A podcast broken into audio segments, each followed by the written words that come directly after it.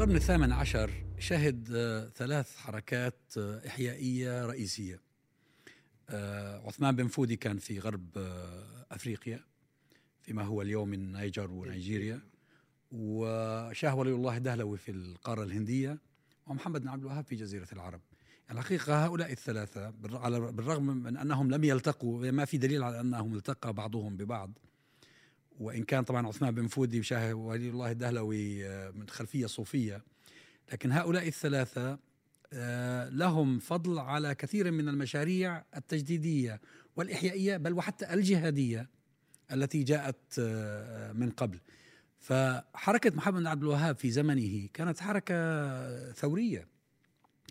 آه، يعني هو جاء يريد أن يغير يريد آه، حتى واجه وخالف القائمين على الأمر الواقع في في زمنه.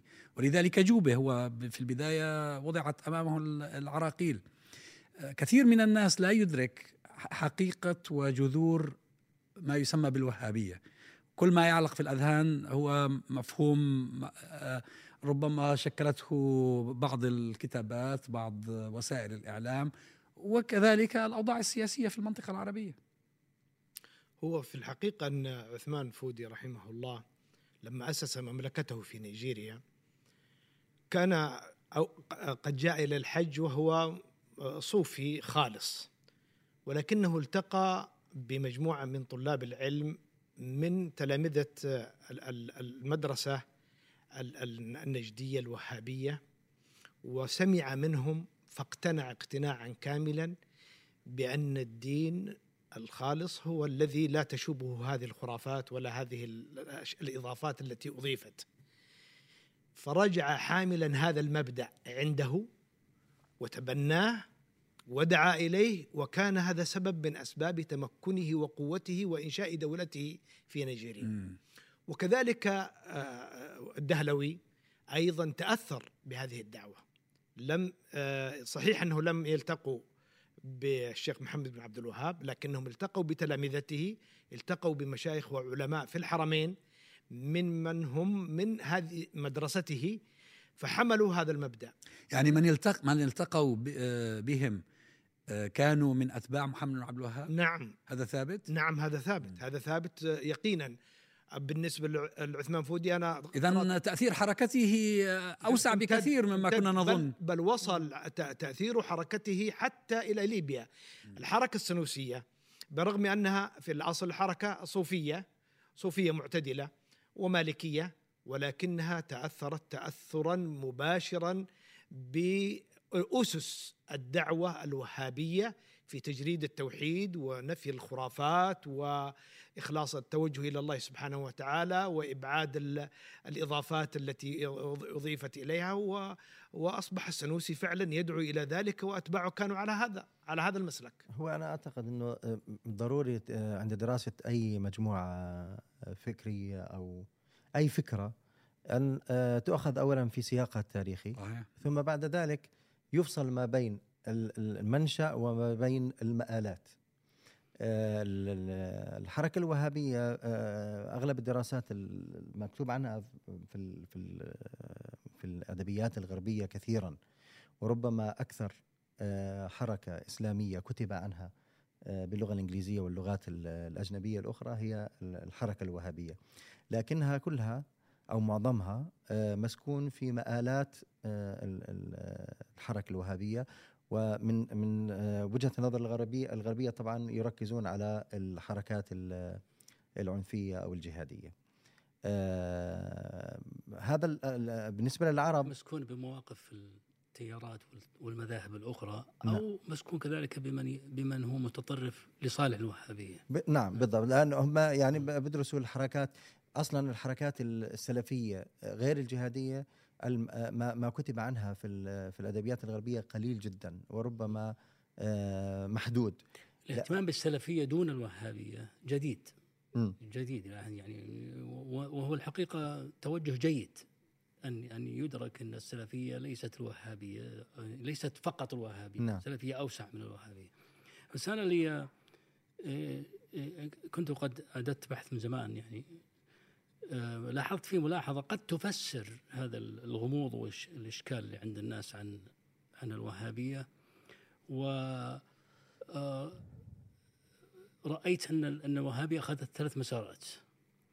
مسار أكاديمي الذي هو كتابات محمد عبد الوهاب وأبنائه وأحفاده ومن تبعهم. أكاديمي بحت يعني ليس له علاقة بما حصل على الأرض وليس له علاقة بما قاله من يحسبون على الوهابية. هذا المسار الأكاديمي في الجملة في الجملة في حدود الطرح السلفي. يعني لا شك لا توجد كتب ما فيها أخطاء لكنه في الجملة في حدود الطرح السلفي. ثم المسار الثاني هو المسار التاريخي يعني ماذا حصل على الأرض أيام محمد عبد الوهاب والفترة التي تلته أيام الدولة السعودية الأولى؟ يعني محمد عبد الوهاب كان قد بايع محمد بن سعود ثم عبد العزيز بن محمد بن سعود ثم سعود بن عبد العزيز ثم آه، عبد الله عبد الله نعم. ثم عبد الله فهذه هذه الفترة يعني استمرت بعد محمد عبد الوهاب بعد وفاته.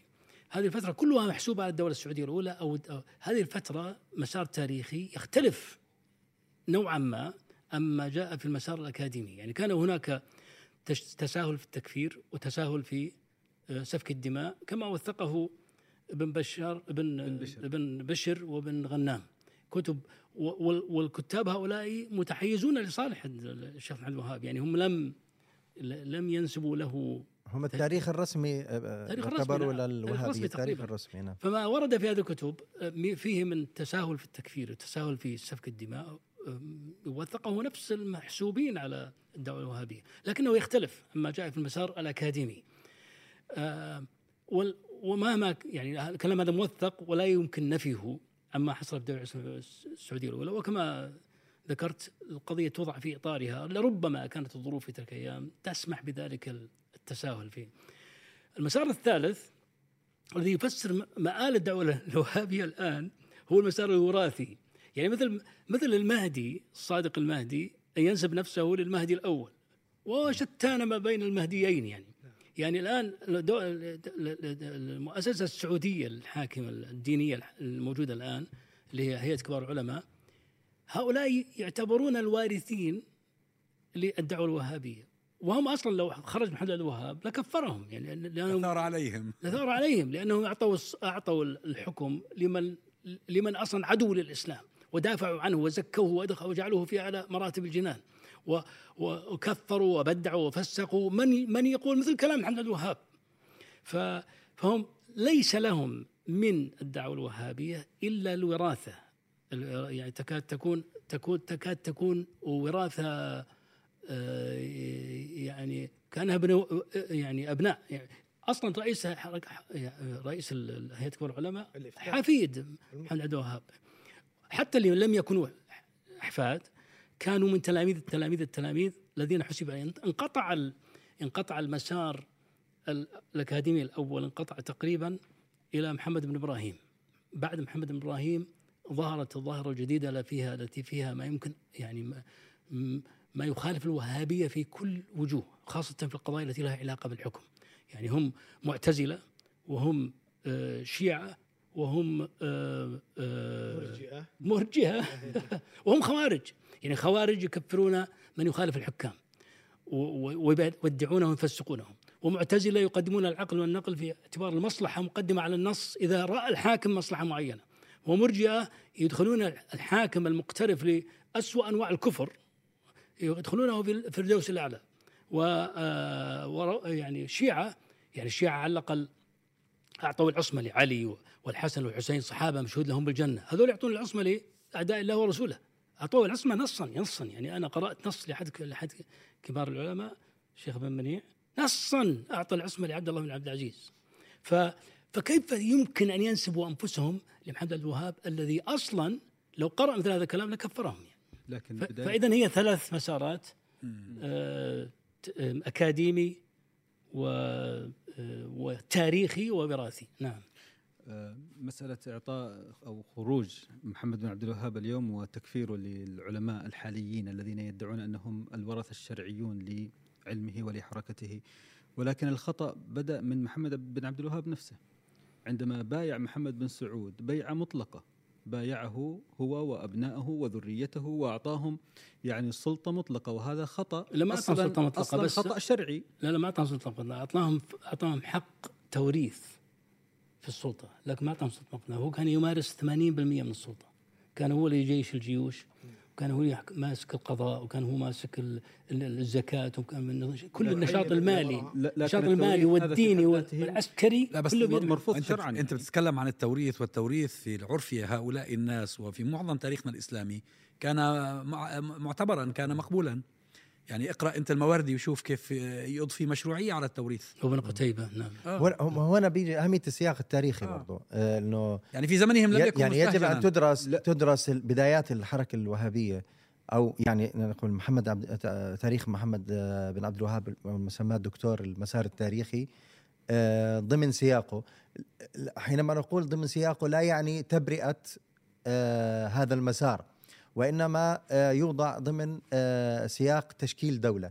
عادة تشكيل الدول في في أي مكان آه، في العالم يصاحبه مراحل دموية مراحل غياب قانون مراحل حتى يمكن أن نسميها التنازلات الكبرى فيما يتعلق في العدالة. هذا موجود في في كل التاريخ. فأنا أعتقد بأنه المسار اللي هو كان تشكيل دولة في فيما يتعلق بالدولة السعودية الأولى من جهة الحكم والثوره بين قوسين الثورة على الممارسات التي كانت دارجة في ذلك الوقت والتي قامت لأجلها أو لمناهضتها آه، فكرة الفكرة الوهابية. هذا السياق التاريخي أدى إلى حصول تنازلات كبرى فيما يتعلق في موضوع آه، العدالة آه، وأيضا في موضوع المفهوم الإسلامي إذا آه، آه، يعني استطعنا أن نسميه بهذا أيضا الاسم أيضا للحكم. هذه النقطة مفهومة أيضا وهناك نقطة أخرى وهي عملية التحالف مع السلطة السياسية من أجل نصرة فكرة نعم. معينة. هذا أيضا موجود في كل التاريخ ولكن إعطاء ضوء أخضر لأسرة معينة و و و و وإعطائها شرعية التوريث وهو أيضا أمر لا يوجد أيضا في الدين هذا الأمر. يعني الدين بس يوجد في التاريخ. الدين ينافي الدين ينافي التوريث. هو الإسلام فالخط خط الوراثة أيضا آه، لم لم يكن فقط في الفكرة الوهابية كما ذكر الدكتور سعد قبل قليل ولكن أيضا حتى الحركة الوهابية نفسها أعطت حق حقية التوريث للجناح السياسي. لكن أنا أقول في شيء يا إخوان. في دراسة أي آه، تجمعات أو أي تنظيمات أو أي حركات هناك ديناميكية معينة لتحركها وتغيرها وتطورها. ولا أعني بالتطور أنها إلى الأعلى دائما. فقد يكون التطور أفقي وقد يكون التطور إلى النزول. ولا يمكن أن تبقى فكرة جامدة كما هي كما أسست. هذا أمر لا يوجد في آه، الحياة البشرية. حتى في لو أخذنا المذاهب الفقهية مجرده بعيدا عن آه، آه، هذه الحركات السياسية المذاهب الفقهية حتى تسميتها مالكي وشافعي وحنفي وحنبلي ما سميت إلا بعد وفاتهم. وفاة الائمه عليهم رحمة الله. وكذلك الوهابية ما سميت إلا بعد وفاة الشيخ محمد بن عبد الوهاب. وتطورت المذاهب في ذاتها وأصبح في داخلها مدارس واتجاهات وبالتالي إذا أردنا أن نكون منصفين والإنصاف يقتضي حقيقة آه، عدم عدم الجفاء المطلق وعدم الانحياز المطلق إنما بالحق والعدل والإنصاف. فإذا نظرنا إلى إلى التطورات التي حصلت أو إلى خط البيان الذي حصل في السياق التاريخي الذي تفضل به الدكتور سعد فإننا نجد أن هناك مراحل مرت بها هذه الحركة. فمثلا على سبيل المثال مرحلة التأسيس الأولى أصلا آل سعود كانوا حكام عشيرة في آه، قرية في آه، وادي حنيفة 30 بي 30 بيت يعني. يعني مجرد رئيس عشيرة. ولما ذهب محمد بن عبد الوهاب ذهب إلى الرجل الأقوى ذهب إلى ابن معمر. صحيح. لأنه أقوى وأكثر منعة و وعشيرته أقوى وسعة مكانه الذي يحكم فيه أوسع. لكن ضغط عليه ابن عريعر. هذا بن معمر اللي تزوج عمته عثمان. نعم. آه. وبعد ذلك ضغط ابن عريعر الخالدي الذي كان هو المسيطر على الأحساء ونجد وحاكما أو شبه حاكم لها فأمره بطرده.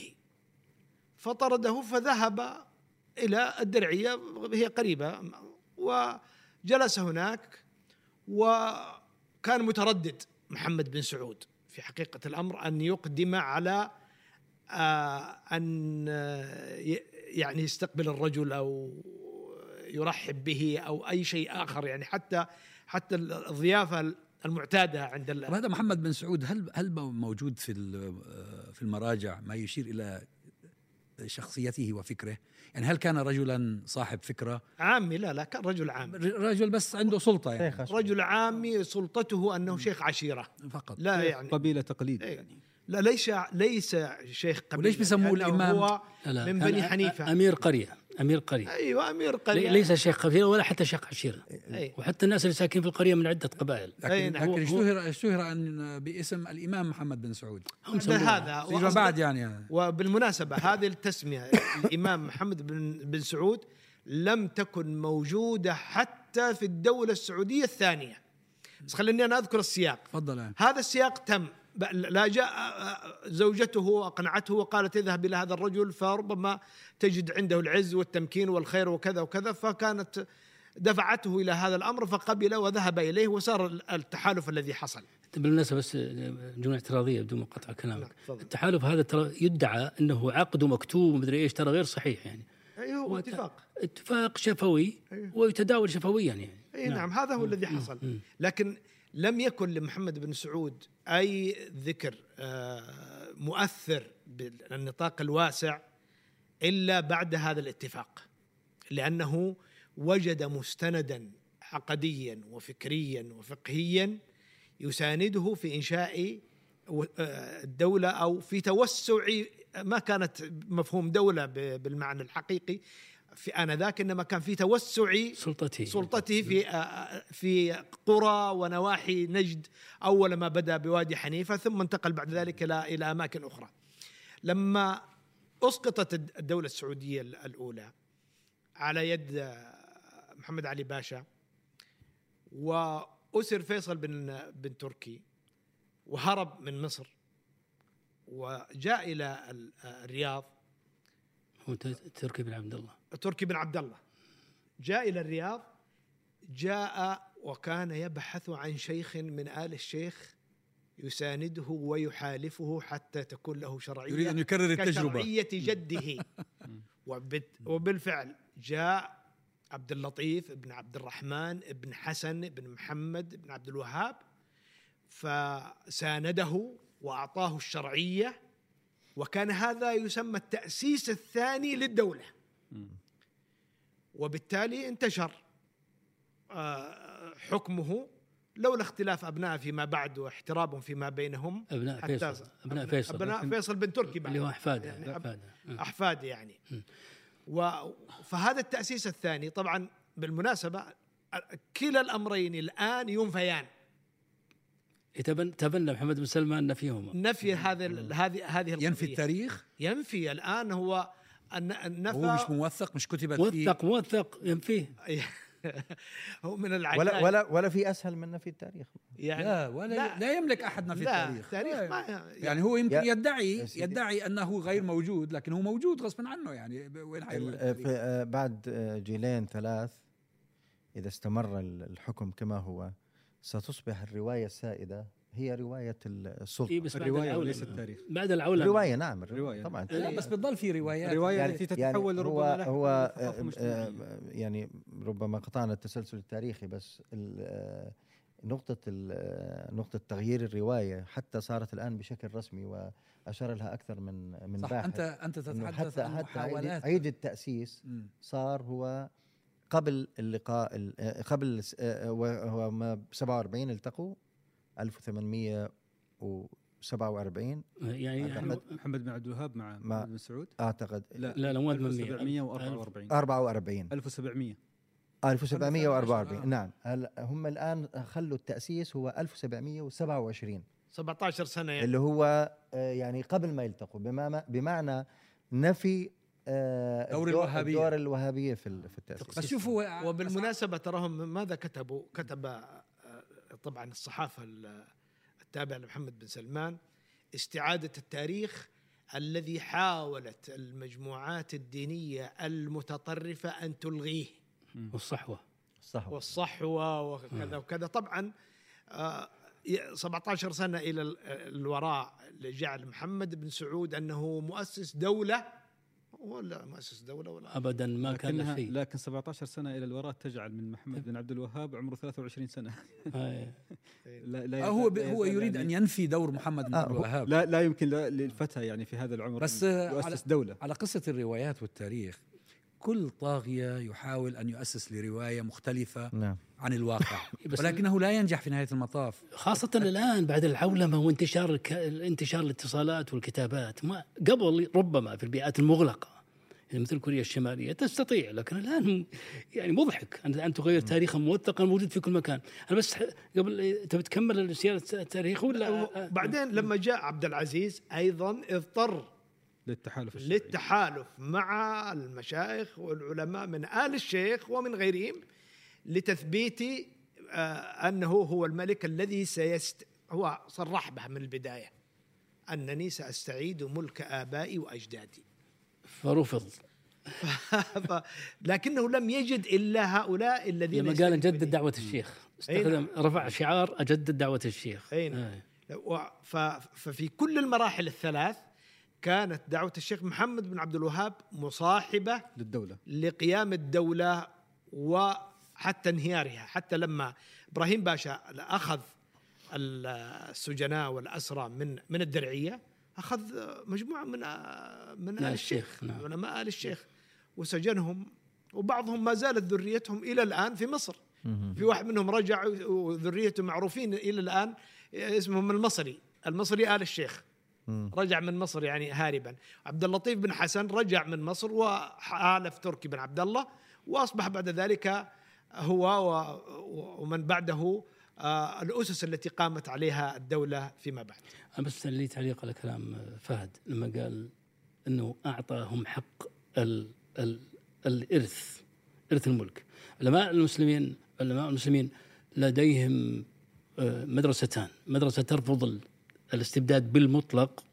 مدرسة أخرى تقبل الاستبداد ما دام موحدا لكلمة المسلمين دون أن يقرر الاستبداد لكنها لكنه حتى لا تنفرق كلمة المسلمين. لكن ما في أحد من العلماء المسلمين أقر الوراثة. يعني اعتبر الوراثة ولا حتى محمد الوهاب. لكن يعني هو لم يقر بالوراثة في كتبه لكنه سمح له في الواقع. هناك عامل آخر أدى إلى إلى أن دور محمد عبد الوهاب في في إقرار الوراثه ليس مهما إن عبد العزيز بن محمد كان عالم. نعم. كان عالم كان أكثر علما حتى من أبناء الشيخ محمد عبد الوهاب. صحيح. فكان لما ورث الملك من أبيه صار بيده السلطه العلمية وال آه والسياسية. فخفف من دور ولذلك أصبحت الوراثة يعني شبه مضمونة. انزوى الشيخ محمد بن عبد الوهاب في أواخر أيام حياته انزوى إلى العبادة. أو زوي الله أعلم. آه وإلى العبادة وانقطع عن عن الحياة وحتى عن مناقشة الناس و في أي عهد هذا؟ في عهد عبد العزيز في عهد بن محمد؟ تلميذه طبعا عبد العزيز بن محمد. محمد. ثم سعود بن عبد العزيز وهؤلاء كلهم تتلمذوا على الشيخ نفسه م. وتشبعوا بالفكرة تشبعا كاملا وفي عهدهم حصل ما حصل من مجازفات في في قضايا الدماء وفي قضايا الحكم على عنزة كفار فليقاتلوا أهل الوشم كفار فليقاتلوا أهل الرص كذا فليقاتلوا. في الرسائل موجودة والدرور السنية موجودة الرسائل فيها يعني ليست مسألة خفية يعني. بس هاي دكتور باخذنا على فكرة التقييم اللي هو بعيد عن الانحياز أو بعيد عن التحامل. أنا بعتقد إنه هذا المسار التاريخي اللي تفضل آه، تحدث عنه افتتح عنه الحديث الدكتور وأنت الآن ذكرت بعض الأمثلة عليه. هذا هذا المسار هو الذي يجب أن يحاكم.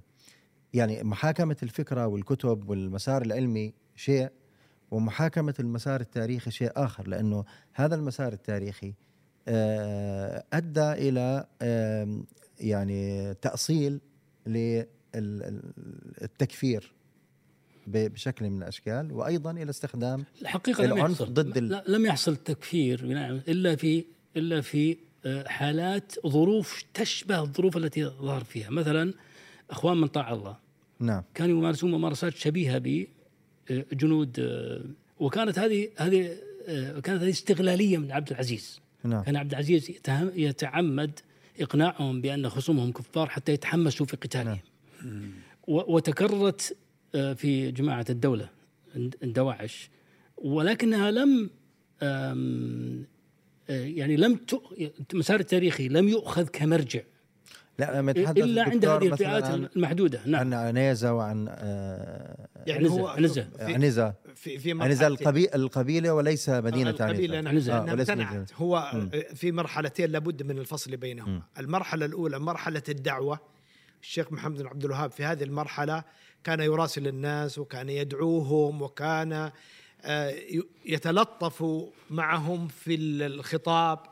فلما تمكنت الدولة وأصبحت لها شوكة وانتشرت آه، الخطاب ليس منه هو لكن من تلامذته و ومن فحوى ما يدور بأن هذه دولة مسلمة من خرج عنها فهو كافر فليقاتل. ومن حالف أعداءها وانذاك الأعداء هم العثمانيين. العثمانيون العثمانيون. والإنجليز أيضا في آه، في الخليج في هذا في الدول السعودية الثانية الدول السعودية الثانية الإنجليز. هذا طبعا حصل فيما بعد وحصل صراع في داخل المدرسة الوهابية لأنهم أفتوا بأن من يسافر إلى الكويت فهو كافر. اعتبروها أرض كفر. أعتبروها أرض كفر. فرد عليهم الشيخ سليمان بن سحمان بردود علمية قوية. اللي هو من داخل من داخل المؤسسه هو من شيوخ وعلماء الدعوة وبين أن هذا ليس كفرا ولا يقتضي الكفر وليس يعني